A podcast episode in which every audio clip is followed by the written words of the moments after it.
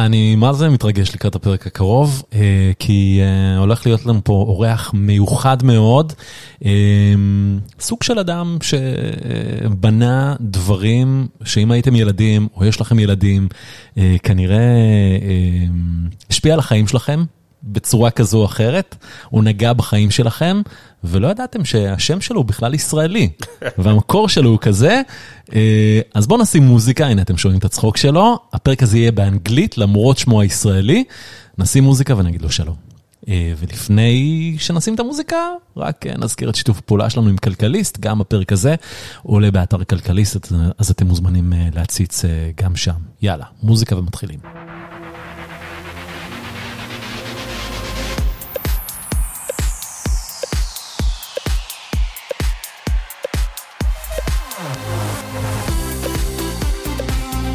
So hello, uh, Ronen Harari. Hello, Maviv. How are you? I'm doing great.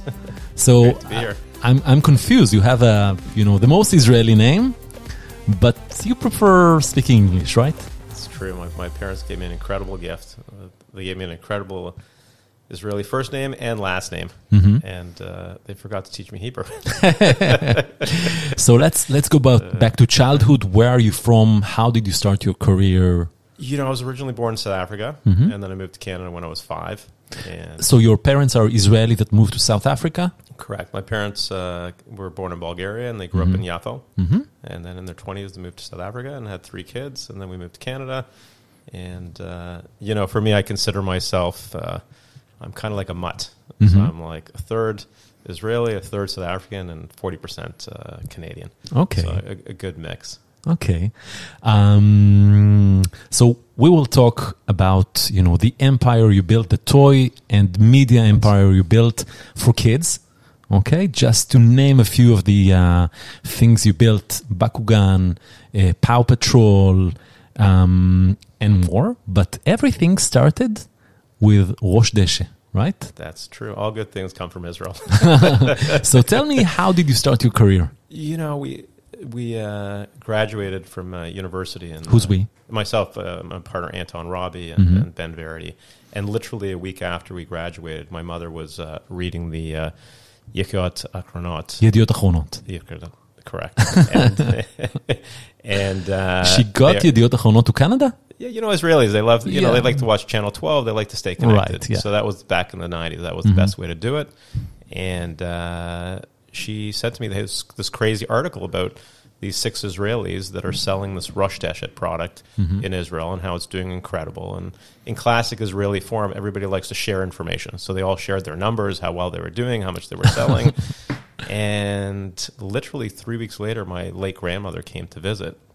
And she brought me and my sisters each a Rosh Deshet as a present. Mm-hmm. That was, you know, a hit back then in the 90s. Everyone yeah. got this. Yeah, we heard it was just like the pet rock in Israel. Mm-hmm. And, and, just for people who are not familiar with uh, Rosh Deshe, it's a sort of a plastilina thing with seeds of grass inside a pantyhose, uh, and you're, you know, putting water on it, and it grows grass on the head. Correct. Hence Rosh Deshe. Correct. Or Earth Buddy, Correct. as you call it. It's kind of like a chia pet. Mm-hmm. Um, so I turned to my my business partner at the time, we had started a marketing business in university, mm-hmm. and I said, "This product's doing incredible in Israel. Let's let's make some." And he thought that I was a little bit crazy. Um, but after about two weeks of coaxing and convincing him, he's like, "Okay, let's go." Mm-hmm. And and you knew you want to be become an entrepreneur. Yeah, I knew from a very young age, mm-hmm. since I was eight years old, that business that business was my path. Mm-hmm. That was super important to me. And early Why? on, you know, for me as a kid I got identified with a learning disability called dysgraphia. Oh. So school was very difficult for me. Um, i was very fortunate that I got identified and I got the help and the support. If not, I don't think I would have graduated school and I don't think I would have gone to university and I don't think I would have had a, a business career um, because the support actually kept me in the school system. But at the same time, you know, my grades were like C's and B's. I don't think I ever got an A. Mm-hmm. okay. All right. I Just never, for I never, a translation, I never got an A. C is like 70, B is no, like... C, C is like 60, B 60. Okay. Yeah, B, is, B is 70 and A is 80 plus. So I don't, think right. I, I, don't think I ever scored an 80 plus in any, any exam. So I always knew that business was my path. And I also I grew up with entrepreneurial parents, and I like the creative aspect of business. Mm-hmm. Um, even though I did go to university, I actually did my third year university in Tel Aviv U, Oh. studying Middle Eastern politics. Um, but I knew that business was going to be my my path. You just And- didn't know what kind of business. Exactly. I didn't know what the business was going to be. I, I had a dream of just being in business. And when the Rush Deshet came to us, it was it was so magical because the barriers to entry were low.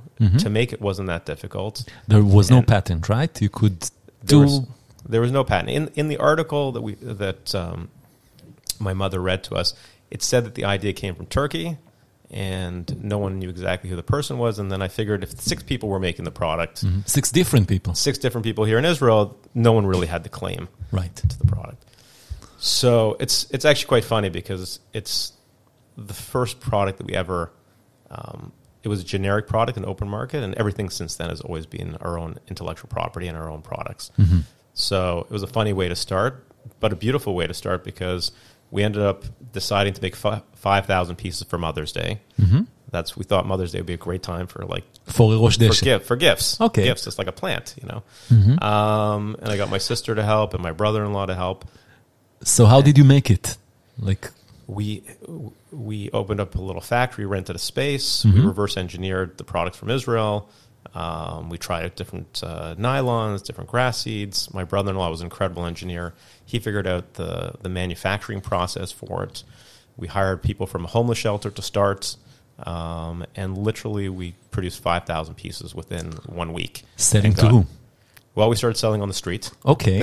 Where? In, in We Toronto? Just, we went on like eight different corners in, in Toronto, uh-huh. and uh, and then we came back to the office on Monday, and we were like, oh, we still have four thousand pieces left, and so we were like, okay, we better get hustling here, and so we started looking for distributors, and uh, through a connection, we went to one distributor and presented the product to them, and they were actually a closeout toy company, so they sold end of the line toys. Mm-hmm. And they said, "Yeah, sure, no problem. We'll we'll we'll distribute the product for you." And literally a week later, they called us and said, "Can you deliver us twenty six thousand pieces?" Wow. All right. How do you manufacture 26,000? We just scaled up. We moved to a new factory. My brother in law, we hired a whole bunch of people. We built out the machinery that we needed, hired more workers. How did you know what kind us- of machinery you need for, you know, a Rosh Deshe? Listen, my, my ex brother in law is a brilliant guy. He Okay. just, he just figured it out. He's kind of like an autodidact. Mm-hmm. Um, and uh, then we brought in my third partner, Ben Varadi, who's the most creative guy, and we got him to run the factory. And so we just kind of put it together and just had a lot of uh, good people around us. And then something crazy happened. Then we got an order for half a million pieces from Kmart. How did you meet Kmart? It's a really bizarre story. My, my business partner was traveling in Europe, and he met a guy from um, Detroit, Michigan, Mhm. who had come from this a Jewish guy who'd come from a a really well connected family in Detroit. And Anton called him. He said, "Do you have any connections to Kmart?" And he said, "Yeah, sure, no problem. We can get you a meeting with the buyer. Uh, we'll take a percentage, but we'll get you a meeting." So we were like, "Okay, no problem." And it was the most unique meeting ever because I drove to Detroit and I pitched the buyer. And after 30 minutes, he said to me, I'm not the buyer for this product. So why were you meeting him? I, you know, that's who. Why our didn't buddy- he uh, stop you earlier? it was, I think he was a super polite guy. okay. So I actually didn't believe him. And I kept on pitching him for another 15 minutes. And he said, I'm not the buyer. And then I said to him, you know what? We'll give you the product on consignment. You can have the product. Whenever you sell it, you just pay us. And he goes, I don't think you understand. I'm not the buyer. So I said to him, you know, I just drove four hours from Toronto. Can you find out who the buyer is? And he came back with a piece of paper with the words Adrian Zacks written on it, and that was the buyer. Mm-hmm. So I took my box of Earth Buddies and I started walking around Kmart Corporation looking for this buyer. and to our good fortune, I found her and she was sitting at her desk and I did a 30 second pitch with her at her desk and she's like, okay, I'll give you, I'll give you a meeting at three o'clock today. I went downstairs and all the other guys were like, oh, let's go for lunch. I'm like, I'm not leaving the building. I'm so nervous. Maybe I wouldn't get back into the building. Um, and it was quite a magical experience because I went back up and uh, we spoke for like 30 minutes, and then she said, "I'll give you an order for 48,000 pieces, and if it goes well, we'll give you an order for half a million pieces." So that was the big break. That was the huge break. It just it just it just accelerated the company. We ended up selling a million Earth Buddies that year. So um, at some point, this Rosh Deshe, this Earth Buddy wasn't enough, right? What, what made you like uh, venture out and think of the next ro- uh, product? you know, we we f- we figure that there's going to be a life cycle to the product, and so if we want to keep the business going, better look for something else. And so we actually found um, a product called Devil Sticks, which is like a three a three stick juggling toy for kids. It's been Yeah. around since like the '60s. Also, another generic open market product, um, and we started to notice the kids were playing with them and making them in the schools. And then we said, well, maybe there's a trend. Something's happening here. We have our factory. Let's uh, let's manufacture a product. Let's design and develop a product ourselves. So that's what we did. Let's figure out how to manufacture it and let's sell it. And so that's essentially what we did. And we ended up at, at Toy Fair in 1995. And Toy Fair is like the biggest event for toys in New York City, right? Correct. Correct. How did you finance the business? Did you go to uh, investors, to banks? I mean, No, we, we basically we had a, a we had two we did two things. One, cash flow is king. So because we were young, we started when we were 23.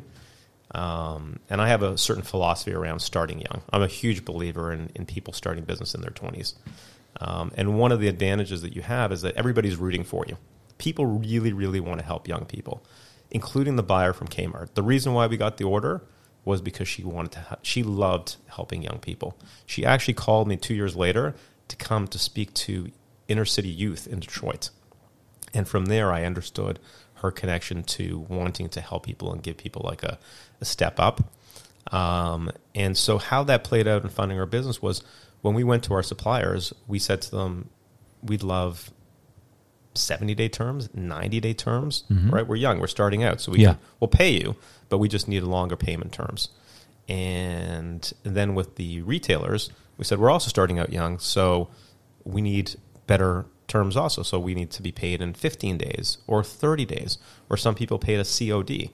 So COD is what? cash cash on delivery, Okay. right? So I think our our average working capital days were were like like 70 days of spread in there. So we actually used other people's money that we were doing business with to actually grow and the business. So it was that part, and then the other part was the product sold so quickly that you were able to reinvest it through the sale. So we weren't sitting with a lot of inventory, and money was was getting turned into new product all the time. So at that point, um, mid 90s, you're selling two generic uh, products.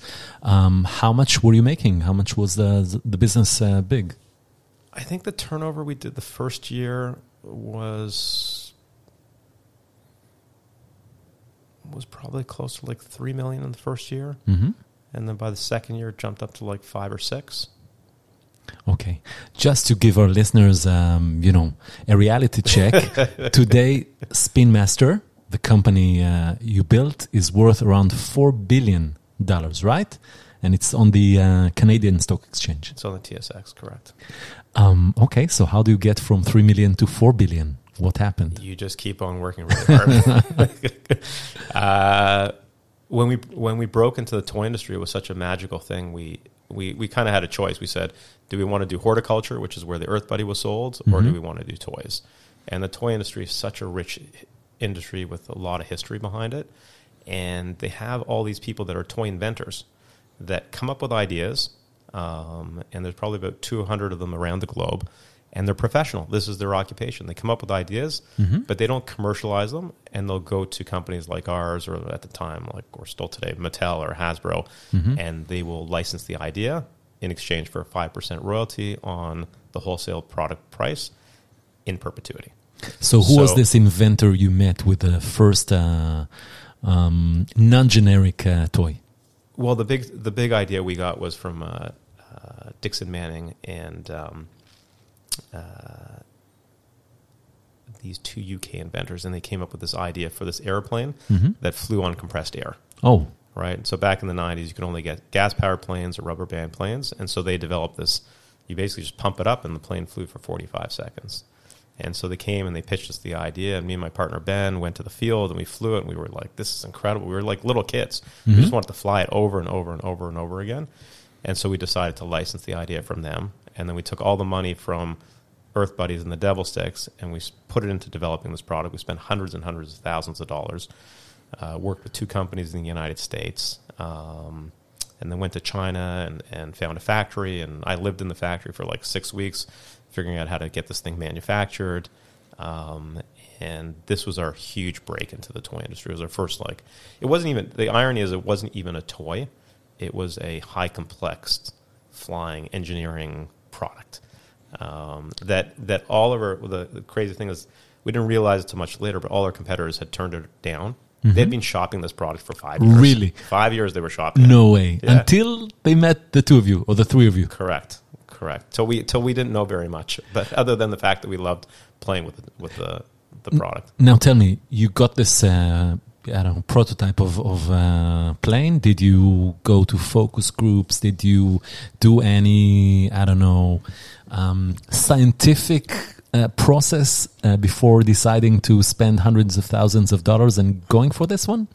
No, we first of all we didn't think it. Th- we didn't think it would cost hundreds of thousands of dollars until, we, until we got into it. Um, but no, we didn't focus group it. We just, I think we were so close in age to being uh, young, and I think the one thing about being in the toy industry is like you got to channel your inner seven year old, your eight year old, or your nine year old, and if it's fun, it's good, right? Um, and then the hard work begins. You know, it's like how do you actually make this thing so it's like mass manufacturable.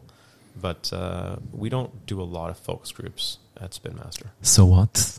Gut feeling? It's it's an intuitive art form, and again, like you're always in in the toy business, you're always looking for the magic. Mhm. Is there something special? Is there something different? Is there something unexpected? Is there something that hasn't been seen before? Is there that that wow moment, or is there how's the feedback? Like you know, the feedback that you got from flying that plane was so rich. Like you wanted to pick it up and do it again and again and again. And so you're looking for that feedback loop, loop in in a toy and that magical moment, a surprise, um, and unexpected. So. Uh, yeah, that was just that's just the way we do it. How did it go? How many did you sell? I mean, what Um, but I but I but I would say like to find you have to look through a lot of product to find that magic. It doesn't just it doesn't just happen. Um, how did it go? It went it went amazing. Um, we ended up uh, launching in in 1998. Mhm. Um, we ended up grossing about 35 million dollars in sales that year. Um, and then the magical thing was that all these inventors that we were out and meeting with and talking with, they all said, "Wow, this is incredible! You guys can actually engineer, manufacture, market, um, sell globally." And so that opened up the the um, the stream of ideas to us, and we started seeing a lot more good ideas. So, how many ideas did you see? Do you see usually see before you pick up one? That's a great question. I, I'd probably say like maybe 500 to 1. Wow, Yeah, that's a lot of That's stuff. insane. It's a lot of ideas. wow, that's that's even you know less than a, a, a VC sees uh, Yes. and picks up one uh, one venture to to back. Um, so we talked about Rosh Deshe. People know what Rosh Deshe uh, is, but uh, your first, um, I don't know what brand that I guess people in Israel know of is Bakugan. Correct. Yeah. So please explain what Bakugan is and how did you come up with this uh, weird toy? You know, Bakugan is is such a great example of how the inventor ecosystem works in North America, and also how the toy business is such a global business, and how global creative minds get together to make something happen. So, Bakugan was originally a drawing on a piece of paper by a 23 year old inventor, first time inventor, never invented anything before in his life. And he sketched on a piece of paper the idea of having an action figure in a marble. Okay. Okay. Um, and he did like 50 different sketches, different dis- style action figures, different size marbles, et cetera, et cetera. And so Ben Dermer, who was um, one of the people doing inventor relations, brought in the idea. He signed it. He thought there was a great something. There was something there. Um, and we started to do the development on the product. And the best we could do was actually literally um, replicate the visual, which was a marble, and you physically opened the marble with your hands, and you physically took the action. A, a sort of a ball, right? That well, let's literally think about the size of a marble. right, yeah. The magic was it was a marble that you can roll, hmm right? And then something, you get the surprise action figure inside. So we developed it, and then we were like, you know, it's it's cool, but there's just it's just not enough. And I think this was like back in 2005, 2006, and our development capabilities were good, but they weren't like great. And I had started going to Japan in the year 2000, developing relationships with the Japanese toy companies. Because the Japanese toy market is, is insane, right? It's incredible. They're so talented. You know, they did uh, things like Pokemon and Transformers and Right. Beyblade and all these magical toys. And so we said, what if, what if we took this prototype and this idea and we tried to get a Japanese toy company to partner on the development with us? And so that's what we did. And we went down there, we pitched uh, Bandai, and they politely said no. and we pitched uh, uh, Tomy, and they politely said no. And then we did a pitch to Sega Toys, to Mr. Kokobon, um, and he's a toy legend, but he doesn't speak a stitch of English. no English, no nothing. We pitched to him, and Even worse than your Hebrew, right? yes, worse than my Hebrew. Um, and he he says through the translator, he says, "This is great. We'll partner with you. Come back in a few months." So I'm like, "Okay, great. Toy legend. Let's go. Give it a shot."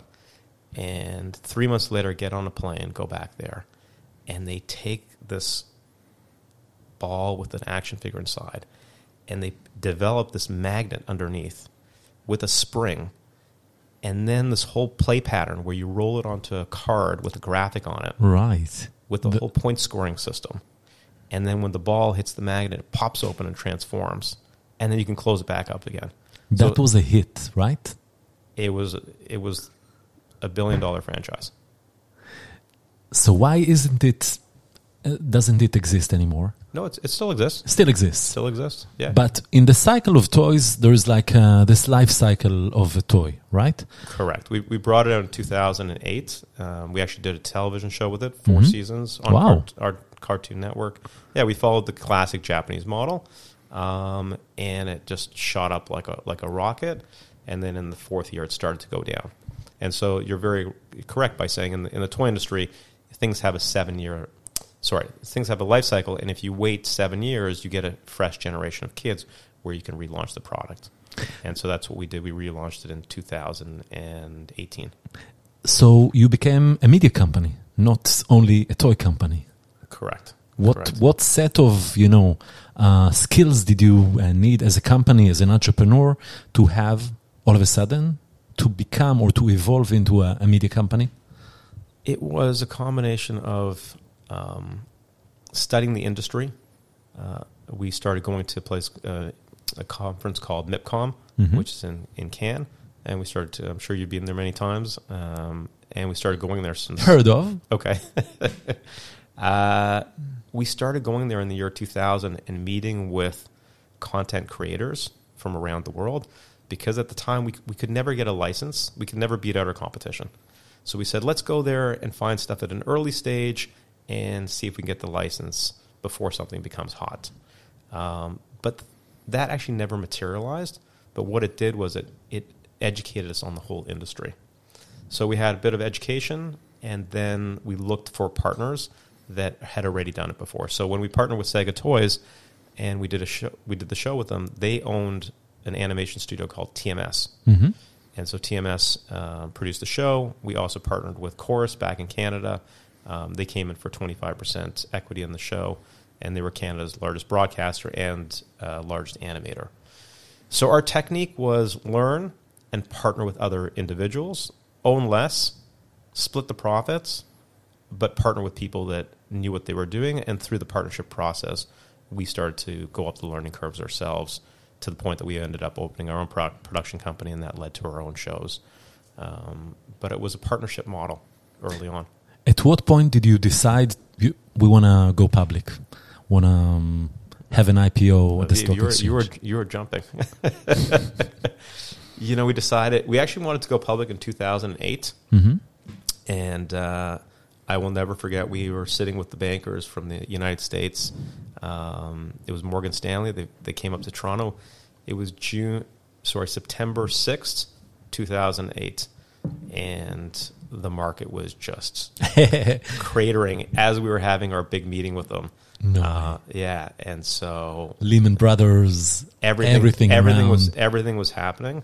We were having a great year because Bakugan was doing amazing, um, but the market basically closed, and um, it was actually one of the greatest things that happened to us because after Bakugan um, had its incredible rise and we were doing well, well with a whole bunch of other products, the company in 2012 and 2013, sorry, 2011 and 2012 had its first two down years after 16 years. Okay, so our company was super fortunate. We had 16 years worth of pro- profits, and in year 17, 18, we started seeing brackets. And when I see a bracket, I get a rash. Okay, I'd A- never a, bracket is like a minus, right? a It's like- bracket is, is on the bottom of your P and L statement, your profit and loss statement, and if you look at a bracket, it means it's a minus. You're losing money, Mm-hmm. and our company lost money for eight quarters in a row. Now we weren't a public company at the time, um, but we lost money quarter after quarter after quarter after quarter. We lost half our sales. We had to let go 35% of the people in the company. Wow. We, we let go 350 people. Four rounds of restructuring. Okay. I wish we would have done it in two, but everybody was so hopeful and so optimistic. Things are going to turn around. The sales will, will bounce back. It's coming. It's coming. It's coming. And it just, it never came. And so we went from a billion dollars in sales to $450 million in sales in 24 months. And then we slowly rebuilt the company and went public in 2015. Mhm. Um, but it was such a such a fortunate thing because if we went public in 2008, we probably wouldn't be a public company today because the most important thing when you're a public company is is hitting your numbers and getting growth. Um, but uh, I guess what, what was your was your question was why did we go public or Yeah. What what happened? Yeah. You know what? We we ran the company as a private company for about twenty years, Mhm. um, and there was a number of reasons. One is being public is the ultimate partnership, and we're all about partnering. Um, so it matched up really well with our model. Um, I think that when you want to work with other companies on the outside, like if you want to get a license from a Disney or Warner Brothers or um, larger companies, they want they get comfort by seeing inside your business and understanding your balance sheet and understanding your P and L. Um, so that transparency was actually really important for us to get licenses in the future, and, and it actually played out well because we ended up getting the license for we're the master toy licensee for DC, so we do Batman and we do Superman, and we're the licensee for Monster Jam, which is a big license, big partner of ours. Mhm. We're a big licensee. Uh, we do Gabby's Dollhouse for Universal. So there was a certain comfort level that people have when you're a public company. Um, there was the ability for us to take some chips off the table Mhm. um, for ourselves. Uh, there was ability for everybody in the company to actually get to be a shareholder. Um, there was ability for diversification when you have three partners. What's going to happen, you know, when you hit fifty or sixty? Like if someone wants to leave, or if they don't, if they don't want to have as much money in the company, you know, when you're private, it's the sale process is very binary. Um, and we had this philosophy. We said we'd rather have hundreds, we'd rather have thousands of shareholders than one or two big investors. we don't like to be, we like to be accountable, but we like to be accountable to a lot of individuals rather than one or two. Um, and um, the biggest thing about being public is a discipline, and the discipline to uh, the numbers and margins uh, is something that I didn't fully appreciate at the time, but I really appreciate today. So uh, when I told friends that have kids that uh, you're coming to to uh, to the show, nobody knew who Ronen Harari is. But when I said that you are, you know, in charge or your your company invented Paw Patrol, they said, "No way! we didn't know a guy with an Israeli name is, um, you know, his he built this this uh, franchise. So tell the people who do not have kids what is Paw Patrol, how did you start it, and how it became such a huge hit. You know, Paw Patrol is a, a show about these five amazing dogs that go on rescue missions. I actually call them mitzvah, mitzvah pups. you know, whenever there's an issue, uh, they're led by Ryder, who's their uh, leader.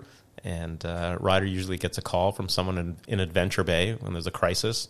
Um, and he calls up certain, he calls up all the pups, but he usually sends two or three out on a mission.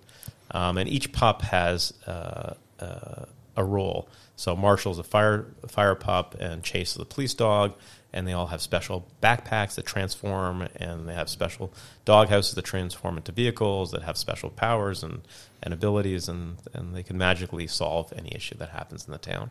How big um, is this uh, franchise? Uh,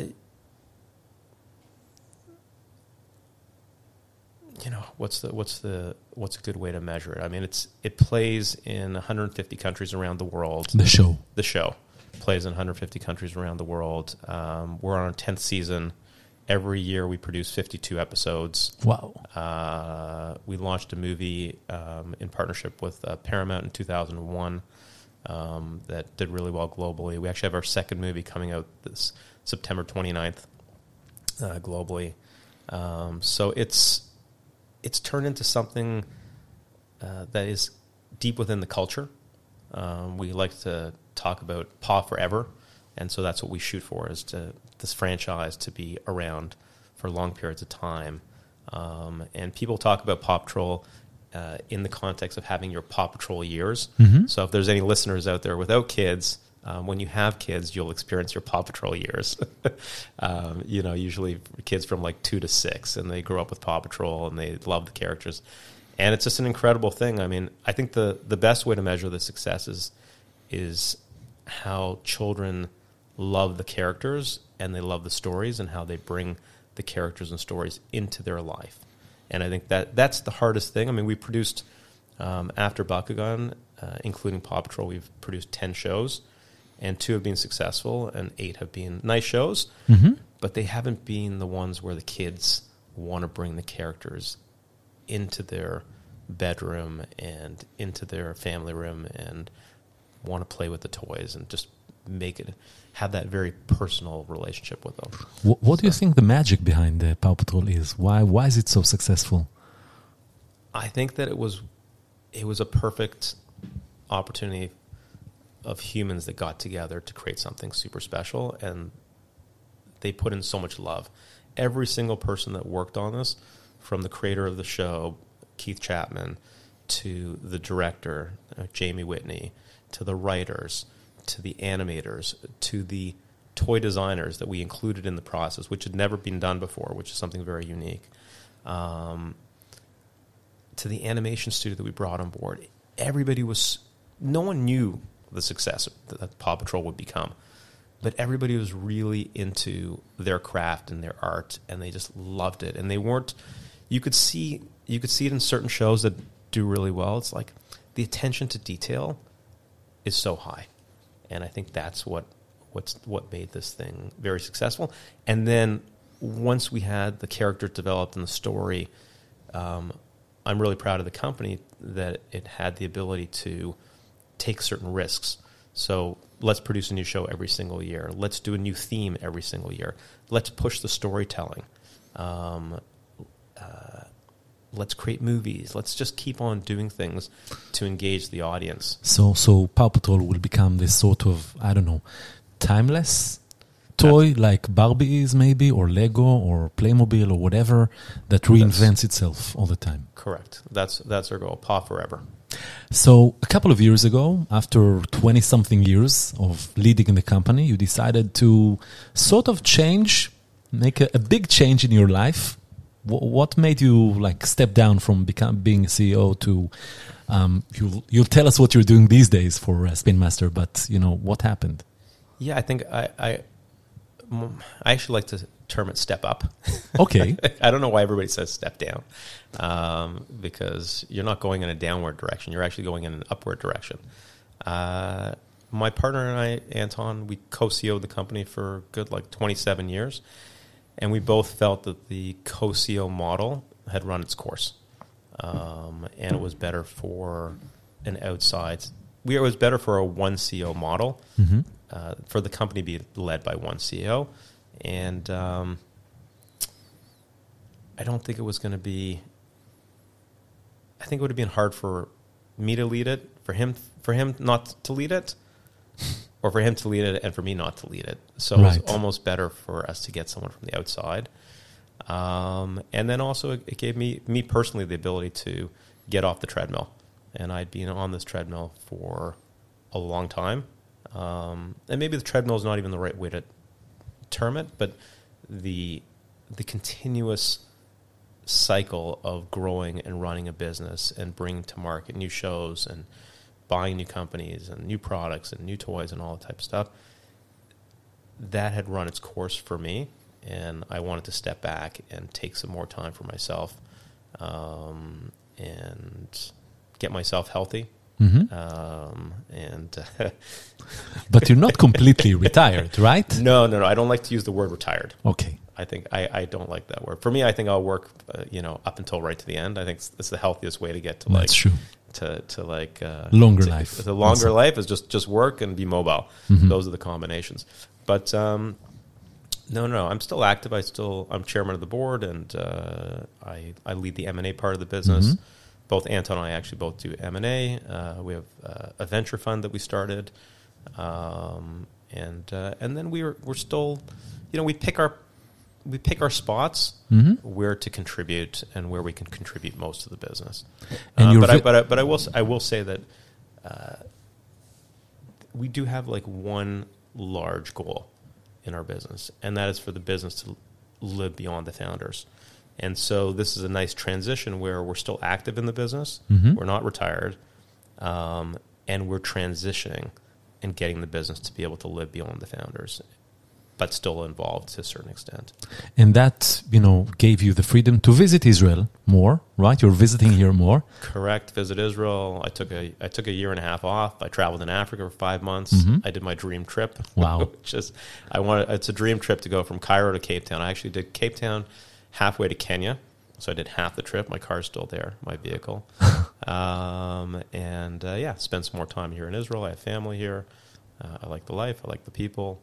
Um, so yeah, it's given me a lot of uh, a lot of freedom to do stuff that I've wanted to do for a long time. And Spin Master Ventures um, looks at companies also in Israel. Are you involved business-wise in Israel in any in any way? You know, we're- we're we're actually involved in a in a very interesting way. We have a program that we started in Shenkar. Right. It's called the Toy Innovation Program, um, uh, developed by uh, Tal Schreiber back in maybe like eight years ago, and it's there to teach people how to invent toys and how to bring toys to market um, and how to commercialize them. And it's affiliated with Spin Master, and we fund the program. Um, and then a lot of the uh, people that go through the program, they'll come and they'll do like a co-op program at Spin Master in North America, Mhm. and we help them commercialize it. And we kind of have like almost like a, a first right to look at the products, and then they go to uh, other companies if we don't take them. Um, and we've actually expanded now to four other countries around the world. So we do s- education here in Israel. Uh, Mhm. we have a distributor called Diamond. They sell all our toys. Um, and Tal works with inventors here. She's our one Spin Master uh, employee, and she meets with all the inventors here in Israel and brings the ideas in. What about um, you know uh, investing into um, Israeli products or startups? Yeah, so we, we put together. So we have two two streams for investment. One Mhm. is pure M and A, um, and then we put together a venture fund, which is about hundred million dollars. And our venture team actually came to Israel in May, and we met with about 40, 50 companies. Wow! Um, But you know, Israel is software, like cybersecurity, or how is it connected to uh, to toys? well, one of our parts of our business is actually digital games, Mm. and so we acquired a company called Toca Boca. Okay, So where are they from? They're from Stockholm, Sweden. Okay, and they produce the most incredible mobile games for kids. Um, so we've gone deep since 2016 in mobile games, and so Israel is a great place for mobile games. Um, and we're now starting to get into edu- edutech. So we were looking at companies in that space. Mhm. Um, so there's there's stuff happening here. I mean, mostly mostly in gaming. Right. That that was the the matchup. So Israel, you know, historically, it's not a toy country, toy manufacturing country, even though we had some games. Correct. Right. Yes. Rummikub, Correct. uh, Taki. I don't know how is how big is it outside of Israel, but it's pretty big in Israel. Um, how come you think Israel did not become a powerhouse for toys? Uh, because we have, you know, bright people here, creative people here. I think that uh, I think probably a lot of it has to do with proximity to the larger markets. Right. So the United States, Japan, those large markets where you can you can commercialize your products at scale, um, and uh, I think it's got to do with proximity.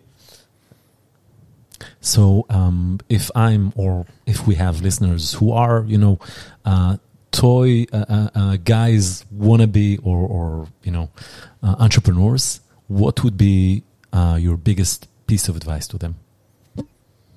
Uh, come to the trade shows and come to the toy fairs and meet the different companies and meet the players and understand the industry and travel. Uh, don't don't do it over Zoom. Just come and come to the trade show. I mean, the biggest ones are the Nuremberg Toy Fair. So walking that toy fair, you can learn and understand a lot, meet so many interesting people. The big toy fair in New York, the Japan Japan Toy Fair. Those are the three big ones Mhm. that I would say that start to network and understand the industries and meet the companies and and everybody's the toy industry is very approachable. People love ideas. New ideas are the lifeblood of the toy industry, and we have a philosophy in our company. It's we're open to ideas from wherever they come from. Um, so we will meet with anybody, anywhere, anytime, because you just never know. You just never know. Um, but I will say that just to to give accolades to the Israelis, they do infant really well. So Mhm. there's the company called Tiny Love, um, which has done really well internationally around the world, um, and they produce really good games. The toy part, Mm-hmm. we're, that's why we started the toy program. We're going to get there. Yeah. There's going to be there's going to be a big big hit that comes out of Israel. Toy tech It's going to come. or whatever. And maybe, you know, another thing is always stay a kid at heart For sure. For sure. Are you a kid at heart? Listen, I'm stuck at seven. Amazing. Ronen Harari, thank you very, very much uh, for coming uh, to this uh, show. Aviv, Uh, Aviv, you're an incredible interviewer. Thank you so much. Wow, unbelievable. תודה רבה. Thanks, buddy. תודה. ועד כאן 30 דקות או פחות, 40 דקות או קצת יותר יצא לנו היום, אבל, אבל לדעתי היה שווה. אנחנו זמינים בספוטיפיי, בכלכליסט, בכל מקום שאתם אה, מאזינים בו לפודקאסטים. יש לכם אה, איזה פאשן אה, לתעשיית הצעצועים, אז תנסו אה, ליצור קשר, או עם התוכנית בשנקר, או אה, באופן כללי. אה, לכו על זה, נשמע לי אחלה תעשייה. אנחנו ניפגש אה, עם פרק נוסף גם בשבוע הבא. עד כאן, ביי ביי.